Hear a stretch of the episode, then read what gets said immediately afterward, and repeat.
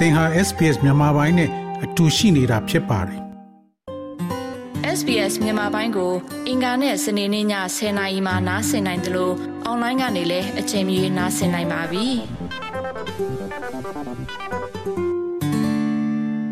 တော်ရရှိမြခင်ဗျာ။လောင်ကစားဆွဲလန်းတာနဲ့ပတ်သက်လာရင် ကုသရမရှိပါဘူး။ဒါပေမဲ့ပြဿနာလောင်ကစားသမားများရဲ့မိသားစုနဲ့တငယ်ချင်းများသည်၎င်းတို့အတွက် မှန်ကန်တဲ့ပံ့ပိုးကူညီမှုရရှိတဲ့အခါမှာ၎င်းတို့သည်၎င်းတို့ရဲ့ချစ်ခင်သူများကို ပြန်လည်ကောင်းမွန်လာစေရန်ကူညီပေးနိုင်ခြေပိုများလာပါတယ်။ဩစတြေးလျမှာအကူအညီကိုသင်ဘာသာစကားဖြင့်ရရှိနိုင်ပါတယ်။ဩစတြေးလျကျန်းမာရေးနဲ့လူမှုဖူလုံရေး Institute မှ2021ခုနှစ်တွင်ပြုစုထားတဲ့အချက်အလက်များအရဩစတြေးလျနိုင်ငံသား၃ဦးမှာတဦးခန့်သည်လောင်ကစားမှုအတွက် ငွေကြေးသုံးစွဲကြပြီးဩစတြေးလျအရွယ်ရောက်ပြီးသူ9.2ရာခိုင်နှုန်းသည် လောင်ကစားအန္တရာယ်နှင့်ကြုံတွေ့ရနိုင်ခြေရှိကြောင်းအကြံပြုထားပါတယ်။လောင်ကစားခြင်းမှဆိုကြိုများသည်ငွေကြေးဥပဒေနှင့်စိတ်ပိုင်းဆိုင်ရာ ထိခိုက်မှုများအပါအဝင် ပုံစံအမျိုးမျိုးဖြင့်ဖြစ်ပေါ်နိုင်ပါတယ်။၎င်းတို့သည်တဦးချင်းစီသာမက၎င်းတို့ရဲ့မိသားစုနှင့်သူတို့ရဲ့အတိုင်းဝိုင်းကိုပါ ထိခိုက်စေပါတယ်။ Sydney တက္ကသိုလ်မှစိတ်ပညာပေါမောက္ခ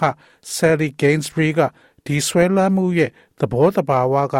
ဘာကြောင့်ကင်တွယ်ရခဲ့လဲဆိုတာကိုရှင်းပြပါတယ် Gambling can be easily hidden both online and offline. It's often called the hidden addiction because you don't see it in someone's eyes or smell it on their breath if they have a gambling problem.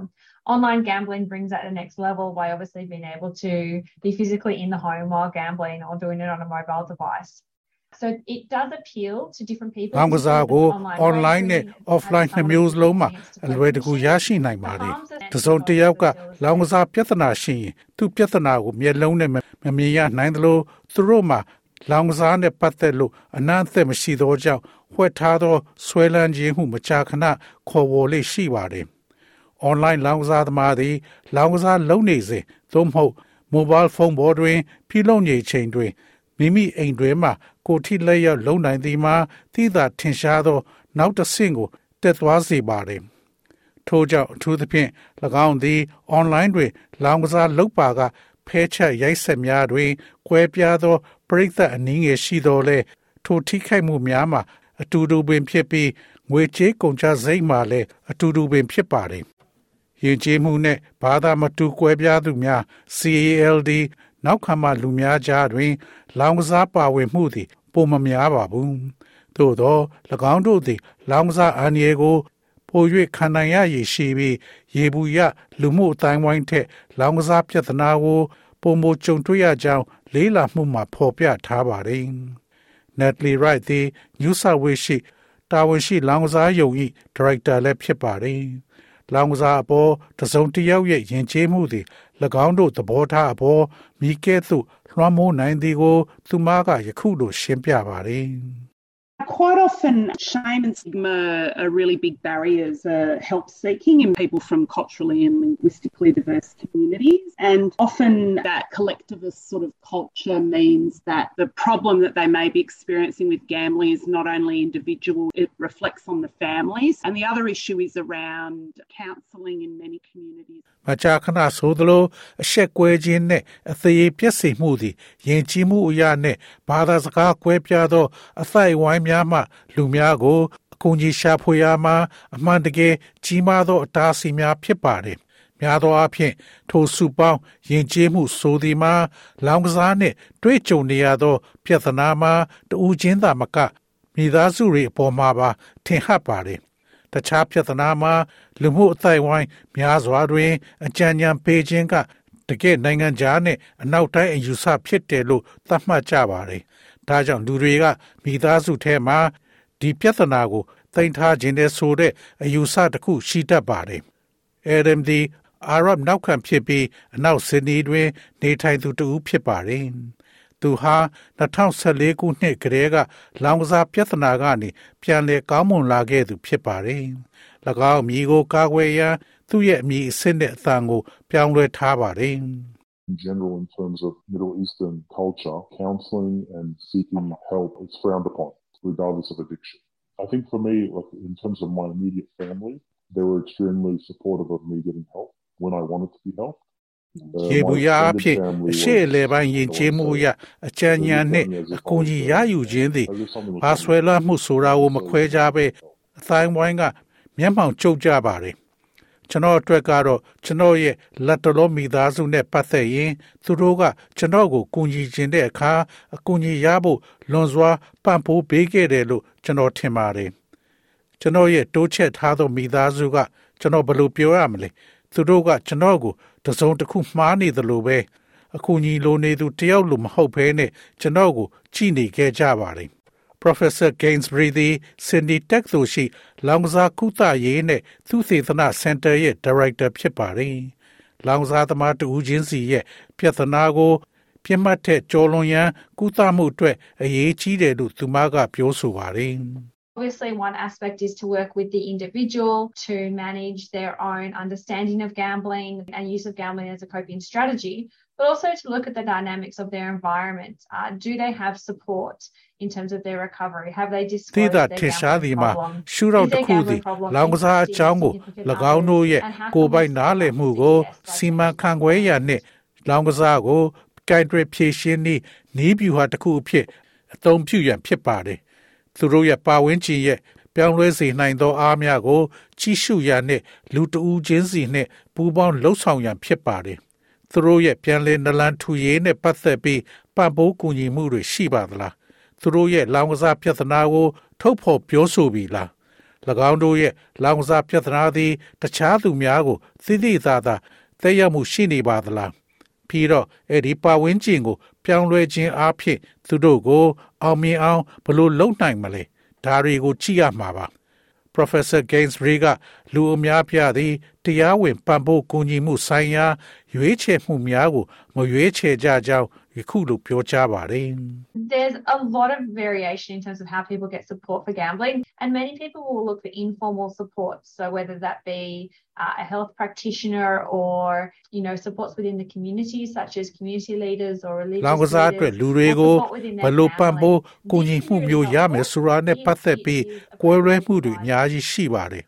လူများစွာဟာအလွတ်သဘောအထောက်အပံ့ကိုရှာဖွေကြပါလိမ့်မယ်ထို့ကြောင့်၎င်းသည်ကျမ်းမာရေးပညာရှင်ဖြစ်စေသို့မဟုတ်မိမိအတိုင်းဝိုင်းမှခေါင်းဆောင်များသို့မဟုတ်ဘာသာရေးခေါင်းဆောင်များကဲ့သို့မိမိအတိုင်းဝိုင်းအတွင်းပံ့ပိုးကူညီမှုသို့မဟုတ်၎င်းတို့ရဲ့မိသားစုအတွင်းပံ့ပိုးကူညီမှုသူ့မှာရှိပါသလားသင်လျော်စွာပံ့ပိုးပေးမယ်ဆိုပါက၎င်းသည် အမှန်တကယ်အထောက်အကူဖြစ်နိုင်ပါ रे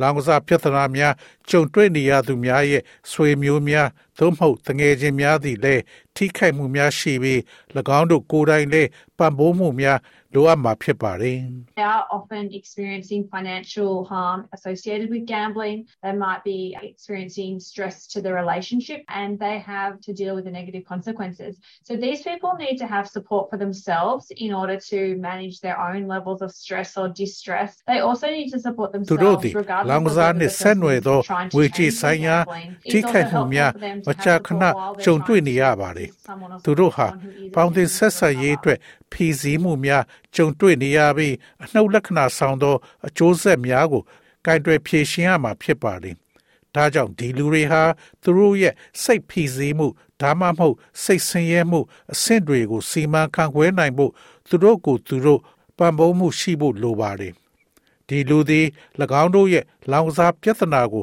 ပြောင်းလဲရန်ကြိုးစားသည်ဖြစ်စေမခွဲခြားဘဲ၎င်းတို့ကိုယ်တိုင်တည်းပံ့ပိုးရန်လိုအပ်ပါတယ်။ တစုံတဦးကိုကိုညီရန်သို့မဟုတ်ပြန်လဲကောင်းမွန်လာစေရန်ကြိုးပမ်းနေသူတဦးကိုပံ့ပိုးကူညီရန်ကြိုးပမ်းနေခြင်းတွင်ပံ့ပိုးကူညီမှုများရရှိရန်လည်း၎င်းတို့အတွက်အထောက်အကူဖြစ်စေပါသည်။အဲ့ဒမ်ရဲ့အခြေအနေတွင် အားလုံးအတွက်အကျိုးရှိစေသော အကြံဉာဏ်အကူအညီကို ရှာဖွေခဲ့သူကတော့သူ့ရဲ့မိသားစုဝင်တဦးဖြစ်ပါတယ်။ So after this particular family member seeked help due to my gambling, they were better able to support my requirements for recovery, which sometimes can be very difficult to understand when you're not an addict. Well, I think the getting professional help provided ဒါ them ကြောင့် with the ဒီမိ understanding သား that စု they're ဝင် not တွေက responsible for what အကူအညီ happened, တောင်းပြီးတဲ့ they're အခါ not at fault. ကျွန်တော်ရဲ့လောင်ကစားကြောင့်သူတို့ဟာကျွန်တော်ရဲ့ပြန်လည်ထူထောင်ရေးအတွက်လိုအပ်တဲ့လိုအပ်ချက်တွေကိုပုံမကောင်းမွန်စွာပံ့ပိုးပေးနိုင်ခဲ့ပြီးသူတို့ကဆေးဆွဲသူသို့မဟုတ် တခြားဆွဲနေသူမဟုတ်တဲ့အခါမှာနားလေရခက်စေတတ်ပါတယ် professional အကူအညီရယူခြင်းက ဖြစ်ပျက်ခဲ့တာတွေအတွက်သူတို့မှာတာဝန်မရှိဘူးလို့နားလည်မှုပေးတယ်လို့ကျွန်တော်ထင်ပါတယ်ဖြစ်ပျက်ခဲ့တာတွေအတွက်သူတို့အဖြစ်မဟုတ်ပါဘူးပြီးတော့သူတို့ကငါလိုပိုလွယ်တဲ့လူတစ်ယောက်ကိုလမ်းညွှန်နိုင်ပါတယ်ပြန်လဲနလန်ထူရေးလုပ်ငန်းစဉ်မှာ Gamblers Anonymous မှတဆင့်ရောက်လာတော့ ပြန်လဲထူထောင်ရေးလုပ်ငန်းစဉ်က Adam ကသူ့အတွက်အလှည့်အပြောင်းဖြစ်စေတာကို ပြန်လဲပြောပြပါတယ်။ဒါပေမဲ့သူပြောတာကလူတိုင်းကတယောက်နဲ့တယောက်မတူဘူးလို့ဆိုပါတယ်။ Some people it might be as simple as getting into a routine of not going to the gambling venues and changing your life around becoming more a part of your community as opposed to continually gambling. I've seen people succeed with just going to counselling on a weekly basis. တချို့သောလူများအတွက်လောင်စားနေရာများသို့မသွားဘဲပုံမှန်လောင်စားလှုပ်ခြင်းတဲ့သင့်အတိုင်းဝိုင်းရဲ့အစိတ်ပိုင်းတစ်ခုဖြစ်လာစေရန်ပြောင်းလဲခြင်းကဲ့သို့ရိုးရှင်းပါတယ်။အပတ်စဉ်ကောင်စလင်းတွေပေးယုံတဲ့လူတွေအောင်မြင်တာကို တွေ့ဘူးပါတယ်။အလုပ်ပြောင်းတာဒါမှမဟုတ်ဘဝအစီအစဉ်တွေပြောင်းတာ လေ့ကျင့်ခန်းပို့လုပ်တာလူတိုင်းအတွက်အဆင်ပြေတဲ့အရာတွေရှိတတ်ပါတယ်။ပြည်내အခြေစိုက်ဝန်ဆောင်မှုများသည်ဖုန်း online သို့မဟုတ်လူကိုယ်တိုင်ဖြင့်အရင်းနှီးများနှင့်အချမ်းဉာဏ်များကို ပေးဆောင်နိုင်ပါတယ်။ New South Wales အစိုးရရဲ့ကျွန်ုပ်တို့ဘဝကို ပြောင်းလဲစေသောနံပါတ်1 campaign သည် လောင်ကစားပြဿနာများနှင့်ရင်ဆိုင်နေရသော မတူကွဲပြားသော အသိုက်ဝိုင်းများမှလူများကိုကူညီရာနှင့် အကူအညီမည်သို့ရယူရမည်ကို မသေးချာမရေရသောလူများအတွက်ပြုလုပ်ပေးထားပါတယ်။ကျူစာဝေတွင်အကူအညီလိုအပ်နေသူတိုင်းအတွက်ပထမဆုံးခေါ်ဆိုမှုမှာ gambling အဝယ်ဖြစ်တယ်လို့ Natty Wright ကပြောဆိုပါတယ်။တစ်ရှစ်သုံညသုံညရှင်ငါရှစ်ရှင်ငါရှစ်တွင် gambling အဝယ်အကူအညီလိုင်းကို ဖုန်းခေါ်ဆိုသူများသည် စကားပြန်အသုံးပြုရနှင့်၎င်းတို့ရဲ့ဘာသာစကားပြောသော အတိုင်ပင်ခံပုဂ္ဂိုလ်နှင့်လိုက်ဖက်ညီရန်ရွေးချယ်ခွင့်ရှိတယ်လို့ဆိုပါတယ်။ actually provide counselling in upwards of 50 languages. So that is available for anyone in New South Wales. Family plays a really big part in supporting the person that is struggling with gambling, and our services also support their loved ones. ထို့ကြောင့်ကျွန်ုပ်တို့သည်ဘာသာစကား90ကျော်ဖြင့်အကြံဉာဏ်များကိုပေးပါတယ်။ထို့ကြောင့်ယူဆဝေရှိမိသူမဆိုအတွက်ရရှိနိုင်ပါတယ်။မိသားစုများသည် လောင်ကစားမှုနှင့်ရုန်းကန်နေရသူများကိုပံ့ပိုးရာတွင် အမှန်တကယ်တွင် ကြီးမားသော အခန်းကဏ္ဍမှပါဝင်နေပြီးကျွန်ုပ်တို့ရဲ့ဝန်ဆောင်မှုများသည်၎င်းတို့ရဲ့မိသားစုများကိုလည်းပံ့ပိုးပေးပါသည်အထူးသဖြင့်ယဉ်ကျေးမှုနှင့်ဘာသာစကားကွဲပြားသော အတိုင်းဝိုင်းများတွင်မိသားစုများရဲ့အရေးပါမှုကိုရှော့တွက်လို့မရပါဘူးပံ့ပိုးကူညီမှုရင်းမြစ်များကို လူမျိုးစုအတိုင်းဝိုင်းဘာသာစကားများသို့ ပြန်ဆိုထားတဲ့ gambling aware website မှာတစ်ဆင့်လဲရရှိနိုင်ပါတယ်။ counseling အကြံဉာဏ်ပေးခြင်းသည်ပြဿနာလောင်ကစားသမားများရဲ့ပတ်ဝန်းကျင်ကို ထိခိုက်စေသည့်စိတ်ပိုင်းဆိုင်ရာနှင့်ငွေကြေးဆိုင်ရာ ပြဿနာများကို ဖြေရှင်းပေးနိုင်ပါတယ်။ those that we support. About a third of our clients through Gamble Aware are actually friends and family of the gambler, and we know that it's really effective for not only supporting them but their loved one in um, their recovery. And the other thing to mention is that it's therapeutic counselling, but there is also financial ကျွန်ုပ်တို့ပံ့ပိုးပေးသူများသည် gambling aware မှတစ်ဆင့်ကျွန်ုပ်တို့ရဲ့ဖောက်သည်များရဲ့သုံးဖို့တပုံခန့်သည်အမှန်တကယ်တွင် လောင်စားသမားများရဲ့တငယ်ချင်းများနှင့်မိသားစုများဖြစ်ပြီး၎င်းတို့ကိုပံ့ပိုးပေးရုံသာမက၎င်းတို့ရဲ့ချစ်ခင်သူအားပြန်လည်ကောင်းမွန်လာစေရန်အတွက်အမှန်တကယ်ထိရောက်ကြောင်းကျွန်ုပ်တို့သိရှိပါတယ် နောက်ထပ်ပြောစရာတစ်ခုကတော့ကုတုံးဆိုင်ရာအကြံပေးခြင်း counseling ပဲဖြစ်ပါတယ်။ဒါပေမဲ့သင်ရဲ့ချစ်ခင်သူရဲ့လောင်ကစားကြောင့်ဒါမှမဟုတ်ငွေရေးကြေးရေးပြဿနာရှိလာရင်အကျွေးတွေစုပုံနေတဲ့ဆိုရင်ငွေကြေးဆိုင်ရာအချမ်းချမ်းပေးတာတွေလည်းရှိပါတယ်။အဆုံးစွန်အားဖြင့် Professor Gainsbury ရဲ့အဆိုအရပြဿနာလောင်ကစားသမားများရဲ့ချစ်ခင်ရသူများအတွက်ပထမခြေလှမ်းဟာ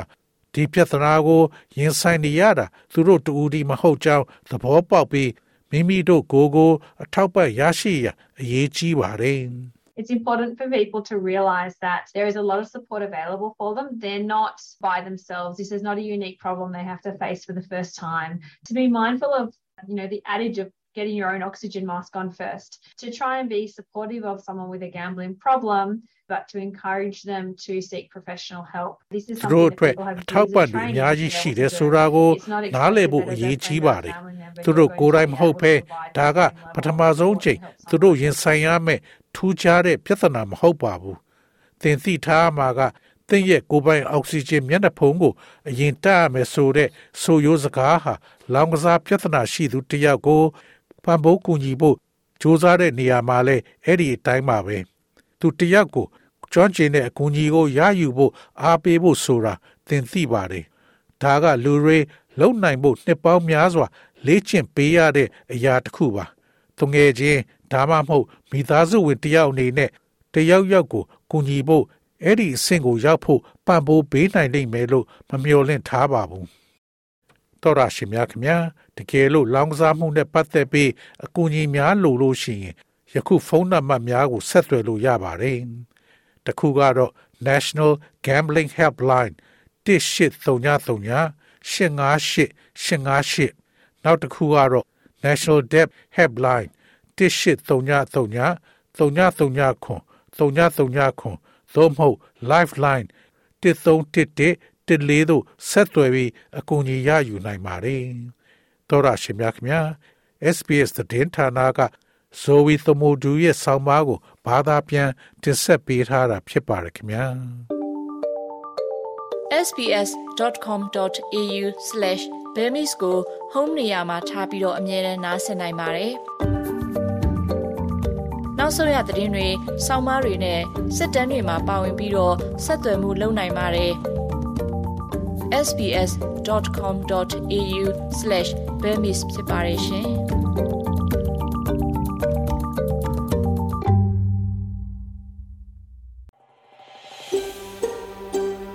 ဒါမျိုးသတင်းဆောင်မတွေကိုပိုနားဆင်လိုပါလား Apple Podcast Google Podcast Spotify တို့မှာသင်ပင်ရာဖြစ်ဖြစ်ရယူတဲ့ podcast ကနေပါ